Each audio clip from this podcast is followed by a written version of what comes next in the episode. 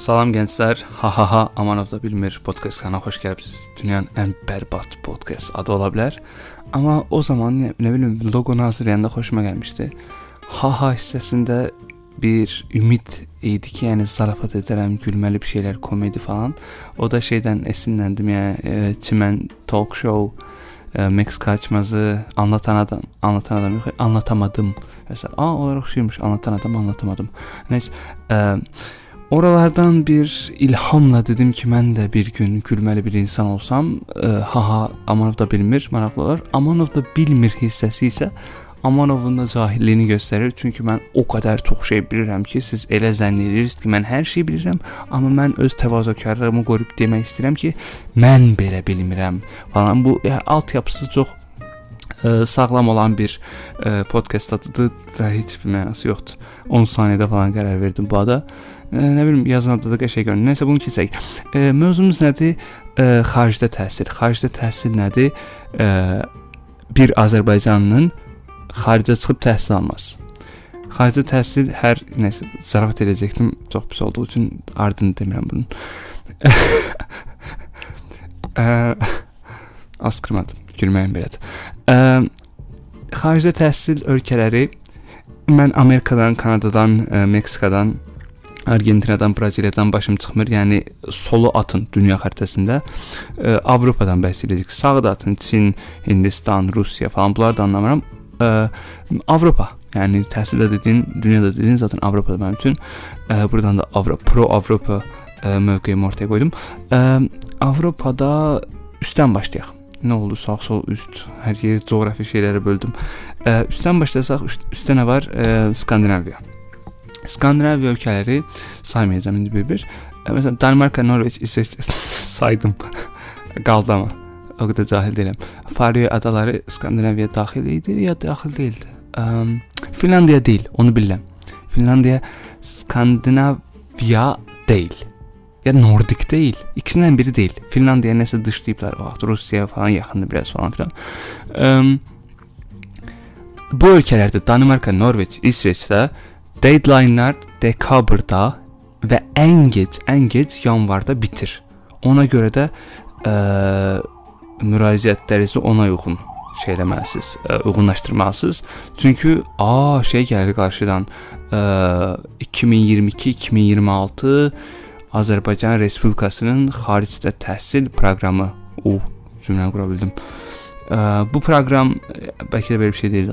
Bu proqram bildiz 2022-26 önümüzdəki 5 il boyunca gənclərin xaricdə universitetə yollamalar falan hər cür maliyyə maliyyələşmənin qarşı verirəm. Ə, mən bunun üçün bu indi mayda açılacaq mən bilən ə, indi 2022-nin aprelindəki hal-hazırda podkastı gələcəkdən dinləyən ə, uzaylılara salam. Ə, 2022-nin mayında məncə açacaq. Hə, təbii ki, ən gec mayda açsardı. Yəni nə oldu da bitdi də. Öldüm. Su içəm. hə, ə, harda qalmışdıq? Mən müraciət etmək istədim. Ə, dedim ki, bu proqramda oxuyuramsa, ayda bunu şey ə, Hı? Nəysə bir dostum şey ə, iş təklifi gözləyirdi. İndi mənə mesaj yazıb ki, ə, həmin şirkət mənə mail atıb yaşımı soruşdu. Dünənə dəxlisiz şeydir yəni. Bütün müsahibələri keçib ə, hal-hazırda oturub cavabı gözləyir və ə, işdən mail gəlir ki, yəni bu gün cavab gəlməli idi mən bilən. 4-ü aprelin 4-ü intervyu idi. 7 gün sonra aha bu gün gəlməli idi. İndi mail atıb yaşını soruşurlar dünyanın dəxli. Nəsə demək istirdim ki, mən müraciət eləmək istədim özüm.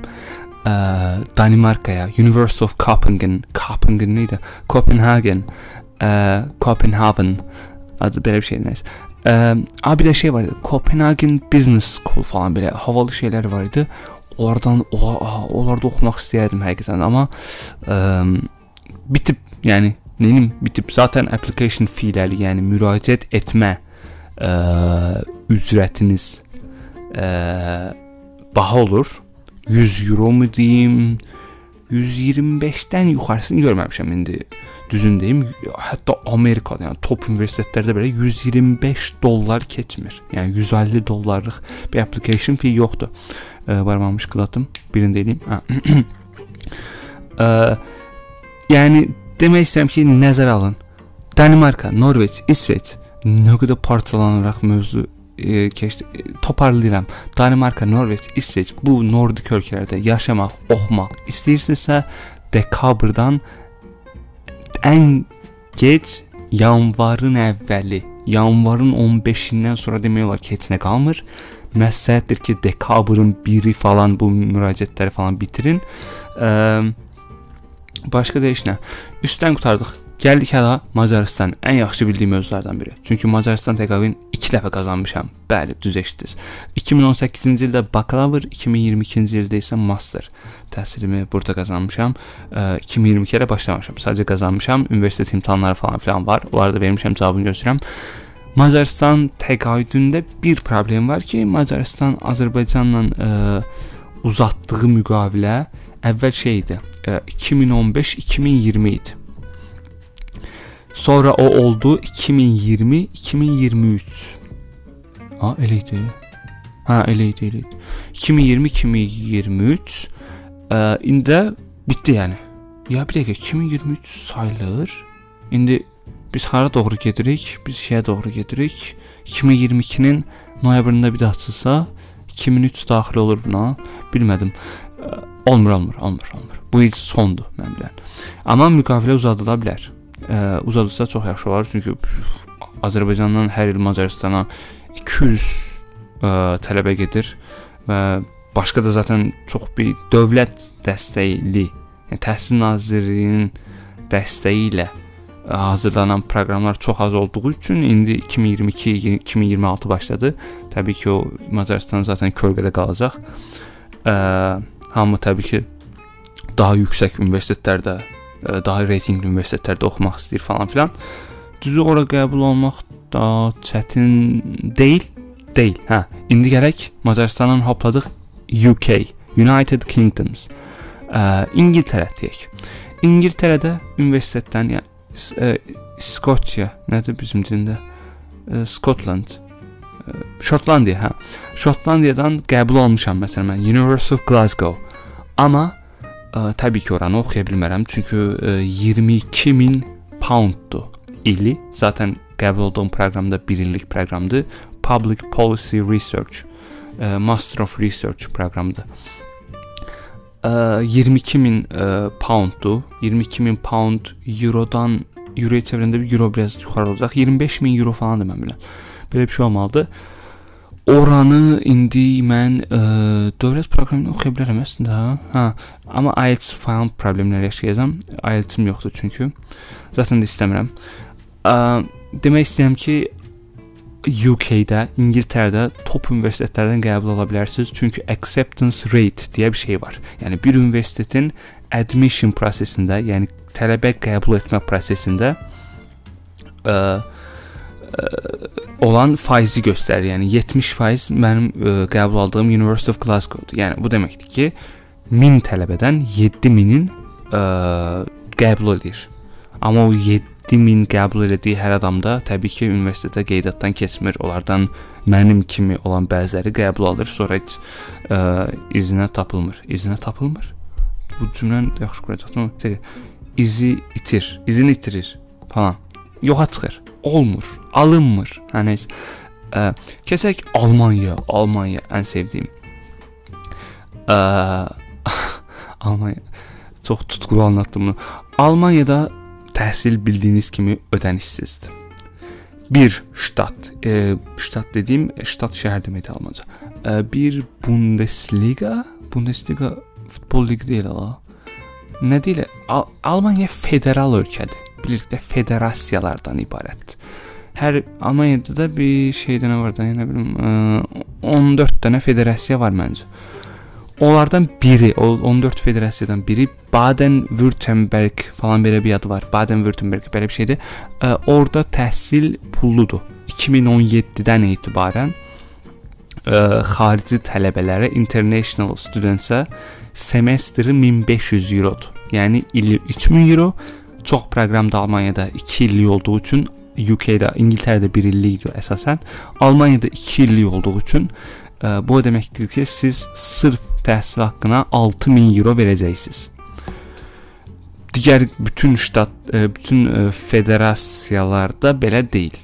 Nə deyim ona? Əyalət. Əyalət yaxşı da. Digər əyalətlərdə belə deyil. Məsələn, ə, Bavariyada deyil. N N NVN, NBN falan belə bir şey. E, Dortmund tərəflərdə elə deyil falan filan. Berlində deyil, Hamburqda deyil, Stuttgartda deyil. E, bunlar hamısı pulsuzdur. Pullu olan şeyləri sayım da. E, Freiburg, Tübingen, e, Ulm, e, Freiburg, Tübingen, Ulm. Bir də, bir də, bir də e, şey var idi orada. Nə var orada? Hmm, Tübingen Heç nə də bunlar. 3 dənə ən əsas bunlardır bu universitetdə. Onlar bilin ki, pulsuz, pulludur. Mən yenə də müraciət etmişəm, amma qəbul alsam böyük ehtimalla gəlib oxumayacağam. Çünki dediyim kimi 6000 euro sırf təhsil haqqıdır və bunun yaşamağı da var. Təbii ki, siz orada işləyə bilərsiniz falan filan, amma mənim məntiqim bu budur ki, yəni indi deyəcəm bir tək bu deyil. Mənim məntiqim budur ki, indi izah edirəm. Ə, Almaniyada hər yer pulsuz olduğu təqdirdə mən niyə gedib həmin ə, əyalətdə oxuyum? Yəni o qədər universitet varsa, sizə də eynisini məsləhət görürəm. Ə, demək istədim bu idi. Almaniyada oxumaq istəyirsinizsə, normal özünüzə pulsuz bir əyalət seçin ki, təhsil haqqına ödəniş eləməyin. Ödəniş e, təhsil haqqına ödəniş də şey olur. Ə, 250 euro student ofsə şey verirsiniz. Yəni nə bilim administration fee, sənədləri falan hazırlamağa bu əmək haqqı verirsiniz də elə bil ki 250 euro semestrdə. O da bir pul sayılmır yəqin ki, ə, e, təhsil üçün. Yəni Azərbaycandakı 6-7 minə illik olan universitetlər var. Ə, həmin zaten 250 euro verdiyiniz ə, e, administration fee də public transportation, yəni ictimai nəqliyyat da daxildir. Hmm, Almaniyanın da belə danışdıq. Almaniyadan ə, keçək ə, Fransaya. Fransada təhsil ödənişli bildiyiniz kimi Amma deyəsən tam da ödənişsiz deyil. Ə, deyəs orada məsələn bir şey görmüşdüm. Sarbon, Sorbondu, Sarbondu nədir? Sarbonda belə bir qayda var idi ki, biz ə, Fransa hökumətinin aldığı qərara ay şamil olunmuruq falan filan deyə bir şey vardı. Fransa hökuməti deyəsən international student, xarici tələbələrə ə, təhsil haqqı verməyə ə, məcbur eləmişdi. Azərbaycan dilim zəif imiş. Amma bu universitet dedi ki, biz ə, hər hansısa bir ə, təhsil haqqı almayacağıq xarici tələbələrdən falan filan. Amma Fransada təhsil pulsuzdur. Amma bir dəqiqə, Fransanı bilmirəm. Fransanı araşdırmamışam. Düzün deyim, indiyə kimi 22 universitetə müraciət etmişəm şeydən bəri. Yanvardan aprelə kimi 22 proqramda, yəni universitet 2 dəfə də ola bilər bir universitet haqqında 2 proqram. 22 ayrı proqrama müraciət eləmişəm və və ə, e, onlardan 11-i Almaniyadır. Hətta sizə sayın başdan hansılara müraciət etmişəm. Ə, e, Corvinus Macaristan, Lyon Fransa ə, e, seçilməmişəm. University of Oulu Finlandiya seçilməmişəm. Ə, Berlin School of Economics and Law Sorbonne University bu şeydir, ə, Erasmus Mundusdur seçilməmişəm. Digər Erasmus Mundus cavabı iyulda 2022-də çıxır. Yəni ki, seçilməyəcəm, təbii ki, seçilməyəcəm. University of Glasgow seçilmişəm, amma falan filan oxumayacağam. Böyük ehtimalla 22 min poundum yoxdur. CEU, Central European University Viyanada yerləşir. Buna seçilmədim. Venesiya Universiteti. Oha, mənim sabah Venesiyada imtahanım var. Yaxşı yadıma düşdü. bir dəqiqə, bir dəqiqə. 12-si idi də, hə? Bu ayın 11-dir. Oo, tam yadımdan çıxmış da. Ə, nəysə girib imtahana girərəm sabah. Ə, onun üçün nəsə sistemimizdən bir şey yükləməli idim. Software atmışlar kimi yazar. Ludwig Maximilian University München var. Ə, Ed Eberhard Karls University of Tübingen, University of Hamburg, University Paris, Pantheon Sorbonne var. Ə, fransızca danışdım görə. Albert Ludwigs Universitet Freiburg, University of Vienna, University of Duisburg Essen, Johannes Kepler University plus Tempere University bu qarşı çox maraqlı proqramdır. Həm Avstriya, həm Finlandiyada təhsil haqqı da yoxdur, amma təbii ki, e, təqaüd də yoxdur. Goethe Universitet Frankfurt am Main, Friedrich Alexander Universitet Erlangen Nürnberg, Universitet Jena. O, bu nə da? Bunu oxuyamayacağam. Yoxlayım da. Rheinische Rheinische Friedrich Wilhelms Universitet Bonn, Universitet Ulm, Duke University. Hə, bunları son üçünə müraciət etməmişəm. Ulm, Duke və American University of Paris. Bunları müraciət etməmişəm. Ümumiyyətlə neçə dənə imiş? 20 imiş. 20 universitetdən 10-u Almaniyadır. Ə, belə. Ə, başqa nə qaldı? Xarici təhsil, IELTS-iniz falan filan hər şey yerində təbii ki. Ə, ingiliscə təhsil almışsınız. Ə, diplom işin tezisi ingiliscə yazıbsa çox bomba. Ə, əla deyəcəkdim, sonra bomba oldu. IELTS-dəki nə deyim, yəni 7 5 yəni, tam ən pisi 7 alıbsınız da yəqin ki, yəni 7-dən də aşağı almaq olar ya, amma almasanız yaxşı idi, yəni. Ə, məsələn 7-5 falan pulunu bəsdir. Daha da üstünə ehtiyac yoxdur, yəni 8 IELTS-in heç bir mənası yoxdur. Yəni ala bilərsinizsə, yəni alı ala bilirsinizsə alın. Prosta yəni çox ə, müraciətinizə bir faydası olmayacaq ekstradan. 7-5-də zaten yetərincə yaxşı bilirsiniz, olursunuz, bilmiş olursunuz. Um, IELTS uh, motivation letter, o motivation letter şeydir. Uh, çox önəmli bir mövzudur. Motivation letterdə özümə aid sirlərim var.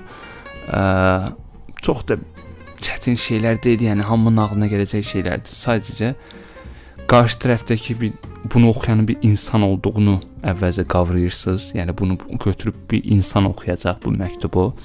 Ona görə bir qısa tutursunuz önəmli məqamları önə çıxardırsınız özünüzə dair. Özünüzü satmağa çalışırsınız da qısaca. Marketing, self marketing kimi bir şeydir. Keçmişinizi göstərirsiniz, uğurlarınızı, universitet nəticənizi, hansı dərslər alıbsınız, müraciət etdiyiniz müraciət etdiyiniz proqrama ə, proqramın sillabusunda olan dərslərdən hansını daha çox ə, arzulayırsınız, arzulayırsınız tam olmadı. Hansını daha ə, maraqla gözləyirsiniz. Yəni deyin ki, mən məsələn sillabusda bu dərs var, mən bunu maraqla gözləyirəm. Bu professorda ə, işlərini oxumuşam. Məsələn, ə, kimi deyim, University of Glasgow-da falan kəs professor var. Girib onun Google skorlarına baxırsınız falan, nə məqalə yazıb, araşdırma edib falan baxırsınız. Həmişə də məqaləsi ol olmuş olması gərəkmir. Çünki lecturer deyə bir şey var. Onlar sadəcə dərs deyən adamlardır. Research eləmək məcburiyyətləri yoxdur. Um, nə deyirdim? Hə, e, motivation letterdə çünki bununla göstərmiş olursunuz ki, mən e, silabusa baxmışam. Bu proqramı analiz eləmişəm. Nə dərslər olacaq bilirəm. Universitetdə kimlər dərs deyir bilirəm. Nə istəyirəm bilirəm. Gələcəyə dair fikrim var. Özümə dair fikrim var, proqrama dair fikrim var. Yəni random rastgele atmamışam da mən müraciəti. Burada oxumaq istəyirəm filan filan ə, e, ideyalarım var gələcəyə aid. Buna qarşı tərəfi inandırmalısınız. Ondan sonra da heç bir şey. Bəzən çox ə, e, xırda detallar, taktiklər var, amma o, o qədər də detalına girməyək. Yəni bunu pulsuz qulaq asırsınız podkastda. O qədər də ə, e, bokunu çıxartmayaq. Ə, heç bir şey ə, məndən bu qədər. Ə, ha ha ha amanov da bilmir podkast. podkastın adına baxa bilirəm. Ayda bundan çıxmayım yoxsa. Məncə şeydə ha ha ha, ə, 3 dənə deyil, 2 dənədir. Ha ha Amanovda bilmir podkast kanalıdır. Ə, dinlədiyiniz üçün təşəkkürlər. Ümid edirəm bir daha dinləyərsiniz. Ə, mən də bir daha danışaram. Ə, bir daha danışaram. Ə, son 2 saniyədə keçsin bağlayıram, söz verirəm. 19-da dayanacağam və ə, gecəniz xeyrə. Bay bay.